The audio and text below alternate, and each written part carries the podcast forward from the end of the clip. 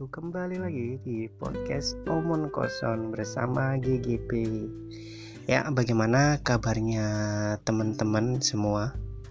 Ya semoga kalian tetap uh, dalam keadaan sehat walafiat Tidak kekurangan satu hal apa pun. Dan uh, bagi teman-teman mungkin uh, yang tinggal di daerah epicentrum uh, virus corona COVID-19 ya eh, tolong tetap stay di rumah, jaga kesehatan, jaga kebersihan dan eh, kalau misalnya memang tidak ada keadaan darurat eh, atau punya kepentingan untuk keluar rumah, lebih baik ya di rumah aja bermain sama keluarga, eh, bercengkrama sama keluarga. Ya, ini kesempatan kesempatan teman-teman untuk uh, lebih mendekatkan lah sama selain sama keluarga bisa mendekatkan dengan Tuhan yang Maha Kuasa. Ya, alhamdulillah uh, ya kalau misalnya uh, di daerah domisili tempat saya tinggal sekarang sih masih alhamdulillah masih aman. Tapi ya tetap kita semua harus tetap jaga diri, jaga kebersihan terutama uh, dan ya uh, yang paling penting adalah kita terus berdoa uh, demi uh, kesembuhan para saudara-saudara kita mungkin yang masih dirawat. Ya, oke, okay, begitu. Uh, untuk podcast kali ini sebenarnya aku ingin bahas sesuatu sih bahas tentang Q&A yang kemarin. Kemarin kan aku janji bahwa nanti akan bahas tentang pertanyaan-pertanyaan yang kemarin masuk. Ya memang nggak banyak sih ada mungkin ada 5 atau sampai 6 pertanyaan.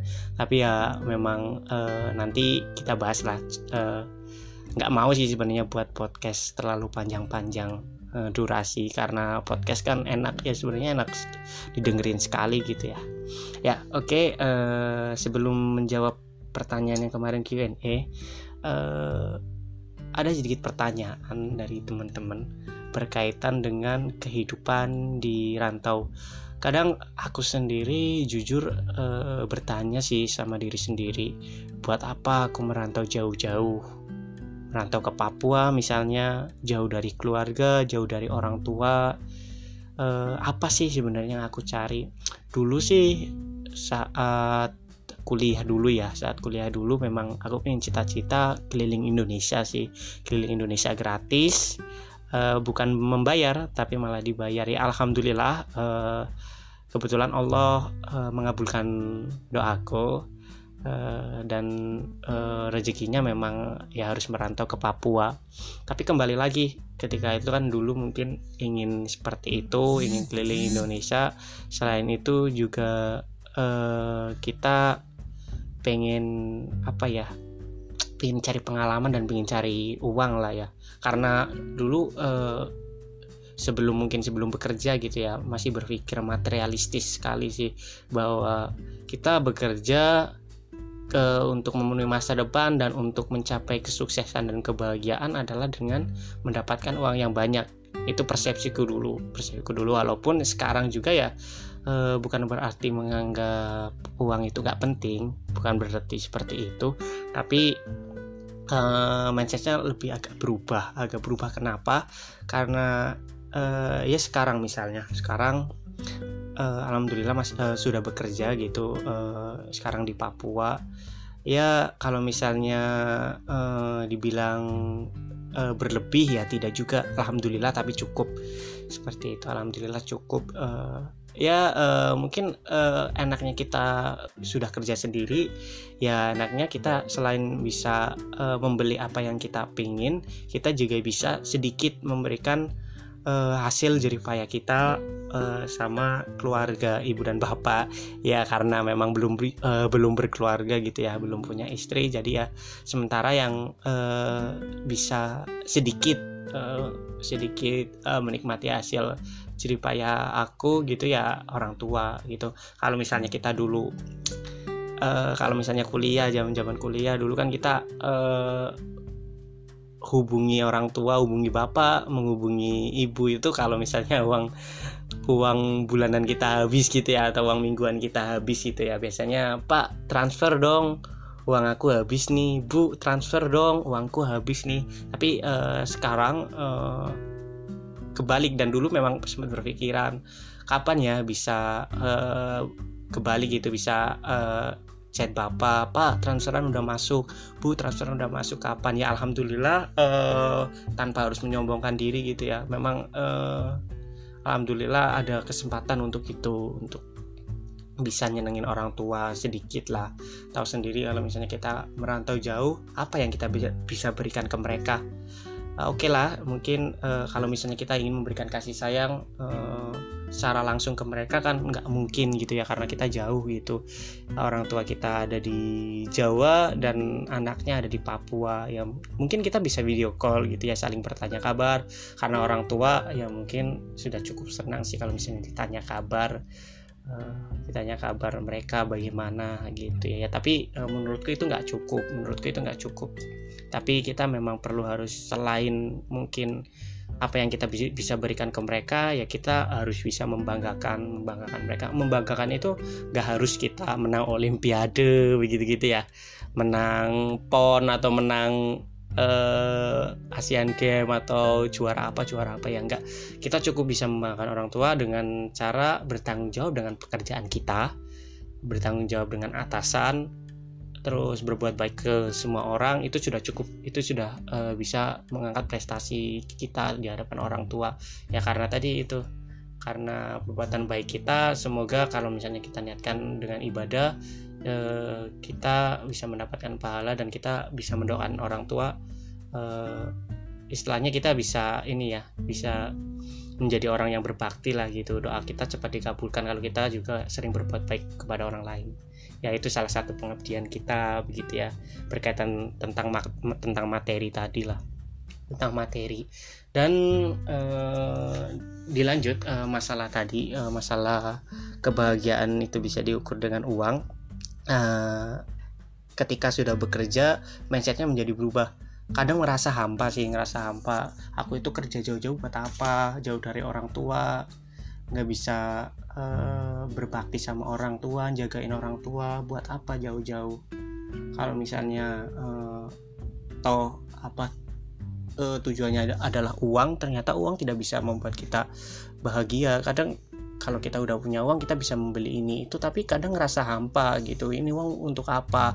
Kalau misalnya untuk kebutuhan kita sendiri terus lalu uh, untuk apa lagi gitu kalau misalnya kita untuk makan bisa beli ini itu ya udah saat itu aja. Bahagianya cukup saat, saat itu aja. Tapi ketika misalnya kita uh, lagi sendiri gitu di kamar ya merenungi sih bahwa sebenarnya uh, uang itu uh, penting. Uang itu penting. Materi itu penting. Tapi terkadang tidak bisa membeli semuanya. Begitu ya. Terus terkait dengan uh, masalah duniawi masalah uang gitu ya masalah uang uh, masalah materi lah masalah materi uh, kita dalam Islam dalam beragam dalam agama Islam dalam agama Islam memang uh, kehidupan di dunia kebutuhan di dunia dan akhirat itu memang harus seimbang. Ada uh, ulama kadang uh, mengatakan bahwa uh, dunia itu cukup di genggaman tangan kita. Kalau misalnya akhirat kita tanamkan dalam hati kita itu ungkapan-ungkapan seperti itu banyak sih. Dan Islam tidak melarang hambanya untuk kaya untuk menjadi sukses uh, dalam hal material. Islam tidak melarang untuk itu. Uh, tetapi mungkin ketika kita sudah sukses sudah bergelimang materi begitu yang paling penting kita tidak lupa dengan uh, kehidupan di akhirat. Ya misalnya kita membelanjakan uh, kekayaan kita apa yang kita punya untuk uh, membantu orang lain. Itu salah satu uh, ibadah kita sih supaya kita bisa uh, membelanjakan harta kita di jalan uh, yang syar'i gitu. Ngomong-ngomong uh, masalah duniawi masalah duniawi jadi aku inget uh, cerita dari sebuah kajian Gus Baha di YouTube aku pernah mendengerin pernah dengerin podcastnya juga. Pernah denger podcastnya juga uh, kaitannya dengan ini kaitannya dengan materi. Dan kalau misalnya kita sangkut pautin dengan Islam jadi ada sebuah cerita uh, Gus Baha di kajian itu cerita uh, beliau mengutip dari hadis Sohi Sohi Bukhari. Dan ini ya namanya hadis Sohi berarti ini uh, apa ya uh, bisa dipertanggungjawabkan lah ya. Oke. okay Uh, jadi ceritanya begini teman-teman. Uh, saya kutip dari kajian Gus Baha yang aku ingat ya. Jadi uh, ini tentang cerita kisah dari Nabi Ayub. Nabi Ayub kan dulu pernah awalnya uh, dia kaya sekali, kaya raya, punya ternak banyak, punya anak banyak, kemudian diberikan ujian sama Allah, diberikan ujian dengan penyakit kulit yang sungguh dahsyat. Dan kemudian uh, ketika penyakit kulit itu sembuh, uh, sembuh dia kembali kaya lagi, teman-teman, kembali kaya lagi. Di kejadian ini setelah Nabi Ayub kembali kaya. Jadi pada saat itu konon katanya ada uh, ketika Nabi Ayub di kamar ada belalang yang hinggap belalang yang datang menuju kamarnya. Dan ternyata belalang itu adalah belalang emas teman-teman. Belalang emas. Dan akhirnya Nabi Ayub menangkap nangkap si belalang itu tadi. Nangkap belalang dan kemudian ternyata bukan cuma satu banyak belalangnya di situ. Akhirnya Nabi Ayub ambil satu persatu masukin ke dalam kantong bajunya masukin sampai penuh. Sampai belalang itu benar-benar tidak cukup di sakunya.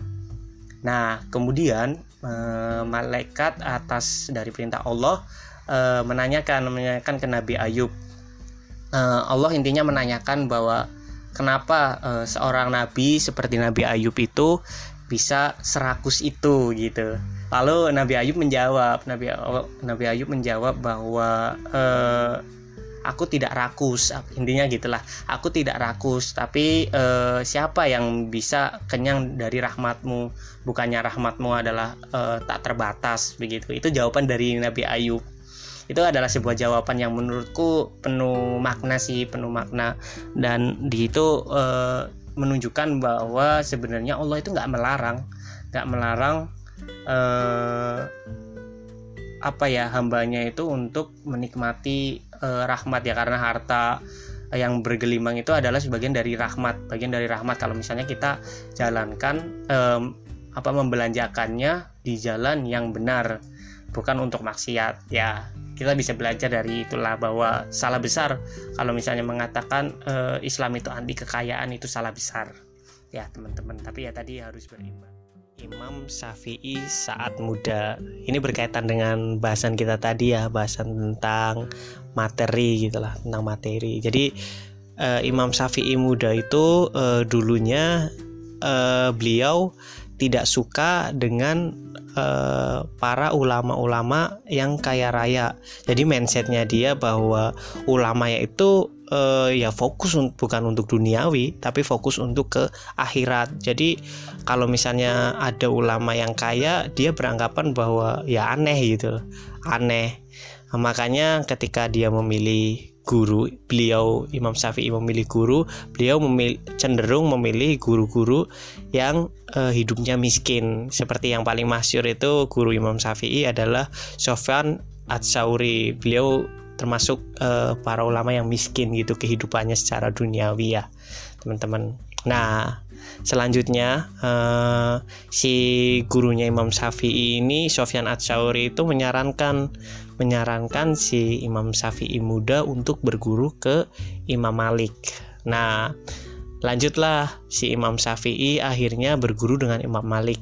Ketika Imam Syafi'i ke rumah Imam Malik uh, si Imam Syafi'i muda itu kaget. Imam Syafi'i muda itu kaget. Ternyata Imam Malik adalah ulama yang kaya raya ulama yang kaya raya. Konon juga ceritanya di rumahnya itu ada sebuah karpet. Karpetnya itu terbuat dari entahlah bawahnya lembut sekali gitu ya karpetnya lembut sekali sampai-sampai uh, ketika Imam Malik berjalan di atasnya itu uh, sampai cuma kelihatan mata kaki saking lembuknya gitu lah ya mungkin saking lembutnya dan saking empuk entah terbuat dari bulu gitulah. Nah, dilanjut ketika sampai rumahnya Imam Syafi'i e, masih kaget karena ternyata Imam Malik itu adalah ulama yang kaya raya, tetapi mau nggak mau karena menempuh perjalanan yang jauh ke rumah Imam Malik, akhirnya bergurulah. Akhirnya berguru sampai selesai. Setelah selesai, kemudian Imam Syafi'i bertanya, Imam Syafi'i muda bertanya ke Imam Malik, Uh, setelah ini aku harus berguru ke mana? Kepada siapa? Gitu. Lalu Imam Malik menjawab uh, kamu tidak usah uh, berguru ke mana-mana lagi karena kamu sudah uh, istilahnya sudah pinter lah sudah menjadi alim ulama gitu. Ucap Imam Malik kepada Imam Syafi'i. Nah akhirnya si Imam Malik itu mengajak Imam Syafi'i muda ke tempat seperti terminal sih. Analogi analoginya terminal lah. Terminal ke terminal transportasi. Nah di situ sudah ada berkumpul rombongan kafilah menuju ke Irak. Entah itu saat itu mungkin naiknya kuda atau atau unta ya jadi eh, di situ kumpul ada rombongan mau ke Irak. Nah di situ Imam Malik eh, memberikan pesangon bukan pesangon sih sangu lah ya memberikan bekal sangu untuk eh, Imam Syafi'i Syafi'i muda. Uh, katanya sih uh, kalau misalnya dirupiahkan sekitar 60 juta. Itu yang aku ingat dari kajiannya Gus Bahaya 60 juta dikasih bekal Imam Malik. Itu cukup banyak lah cukup banyak nah setelah dikasih 60 juta si Imam Malik itu mengatakan uh, Imam Syafi'i untuk uh, mampir gitu di perjalanan yang uh, panjang menuju Irak itu mampir ke rumah entah ini muridnya Imam Malik atau apa saya lupa aku lupa. Uh, disuruh intinya disuruh Imam Malik untuk ke uh, salah satu ulama namanya Muhammad bin Hasan ya Muhammad bin Hasan Asyaibani Uh, disuruh datang ke situ. Nah, setelah menempuh perjalanan yang sangat panjang, akhirnya uh, tibalah Imam Syafi'i di rumah Muhammad bin Hasan As-Syaibani. Setelah datang ternyata uh, si beliau si Muhammad bin Hasan itu ada di depan rumah di teras rumah gitu di teras rumah lagi ngitung uang lagi ngitung emas lagi ngitung emas biasanya kan kalau misalnya orang-orang uh, ngitung sesuatu yang berharga itu di kamar ya ngumpet gitu lah biar nggak ketahuan orang tapi justru Muhammad bin Hasan ini hitungnya di depan rumah atau biar kelihatan orang. Nah, kebetulan Imam Syafi'i ke situ ke rumahnya. Kemudian sambil terkaget-kaget gitu ya, mungkin mungkin mukanya kaget lah melihat uh, ulama kok uangnya banyak, emasnya banyak dan dihitung juga di uh, tempat umum gitu lah. Istilahnya uh, bisa dilihat orang gitu. Akhirnya si Muhammad bin Hasan ini tanya ke Imam Syafi'i, ada apa Imam Syafi'i? gitu. Ya ada apa Imam Syafi'i? Kenapa mukanya terkaget-kaget? Akhirnya si Imam Syafi'i pun e, memberanikan diri untuk bertanya memberanikan diri untuk bertanya kenapa e, anda ke, tanya ya ini ceritanya tanya. Kenapa anda e, punya emas sebanyak itu? Bukannya e, ulama itu bukan cinta kepada dunia tapi kepada akhirat. Akhirnya gampang saja. Ternyata Muhammad bin Hasan ini eh, gampang saja menjawabnya. Oh kalau misalnya seperti itu eh, emas ini uang ini akan aku sumbangkan akan aku sumbangkan ke orang-orang yang ahli maksiat. Ahli maksiat eh, ke preman ke pencopet penyamun dan lain-lain. Kemudian Imam Syafi'i eh, menyangga oh tidak seperti itu. Kalau seperti itu justru ah, nanti uangnya akan digunakan untuk kegiatan maksiat, untuk kejahatan. Nah, di situ akhirnya Imam Syafi'i sadar bahwa eh, kenapa eh, sebenarnya Islam tidak melarang eh, para pemeluknya untuk bisa sukses dalam segi materi, untuk kaya dalam segi harta dan lain-lain karena ya tadi ketika mungkin kita sebagai umat Islam dan semoga ya baik gitu lah semoga soleh ya bisa menggunakan harta tersebut untuk uh, kepentingan uh, yang membutuhkan gitu lah untuk ya istilahnya dibelanjakan untuk hal-hal yang syar'i gitulah. Nah, kebalikannya ketika misalnya kita tidak mengejar dunia, tidak uh, ngejar harta, begitu nanti ketika uh, orang maksiat yang orang yang cenderung berbuat maksiat itu berlomba-lomba mencari harta yang banyak ya justru nanti harta tersebut akan tetap dialokasikan akan dibelanjakan untuk kegiatan yang uh, tidak baik juga. Nah di situ Imam Syafi'i barulah Oke, uh, untuk selanjutnya, nah seperti janji di awal, uh, aku ingin membacakan beberapa pertanyaan, beberapa pertanyaan yang ada uh, di Q&A di Instagram atau WhatsApp yang kemarin mungkin satu atau dua pertanyaan aja lah teman-teman ya supaya durasinya nggak usah terlalu panjang gitu ya. Oke eh tapi pilih dulu pertanyaannya. Nah oke aku bacain pertanyaannya. Dari nggak usah disebutin namanya lah ya nggak usah disebutin namanya. Hmm, nah pertanyaannya uh, usia ideal menikah buat milenial zaman now ya jadi dia tanya uh, berapa sih uh, usia ideal untuk menikah untuk kalangan milenial zaman now? Uh, menurutku menurut dari pandanganku uh, patokan untuk menikah itu sebenarnya kalau misalnya dilihat dari uh, usia itu nggak terlalu berpengaruh sih. Yang paling penting adalah ketika uh, alat reproduksi kita mohon maaf sudah berfungsi uh, sudah berfungsi ya itu berarti udah uh, ideal gitu dari uh, dari kriteria kriteria umur itu sudah ideal. Itu tadi jadi jawabannya adalah uh, usia ideal adalah ketika alat reproduksi kita sudah bisa digunakan seperti itu. Kalau misalnya uh, berdasarkan undang-undang negara kita bahwa wanita itu diperbolehkan nikah itu usia ini kalau belum diubah ya usia 16 tahun dan laki-laki itu usia 19 tahun. Itu baru diperbolehkan untuk menikah. Tapi kembali lagi bahwa usia itu sebenarnya bukan patokan gitu. Patokannya sebenarnya banyak. Kapan kita harus nikah itu bukan masalah usia lah. Bukan masalah usia. Yang paling penting kita harus uh, siap mental terus siap ilmu kemudian yang terakhir siap materi. Itu itu yang paling penting. Oke okay, uh, next uh, untuk pertanyaan selanjutnya. Dari nggak usah disebutin juga nggak usah disebutin juga dari temanku. Ini real ya teman-teman. Uh, apa persepsi kakak tentang lockdown terkait covid 19 ya uh, menurutku uh, apa ya pilihan dari pemerintah yang tidak menerapkan lockdown itu sudah tepat sih. Kan pemerintah sekarang lebih memilih uh, opsi tes COVID-19 secara massal ya. Menurutku itu yang pilihan yang tepat.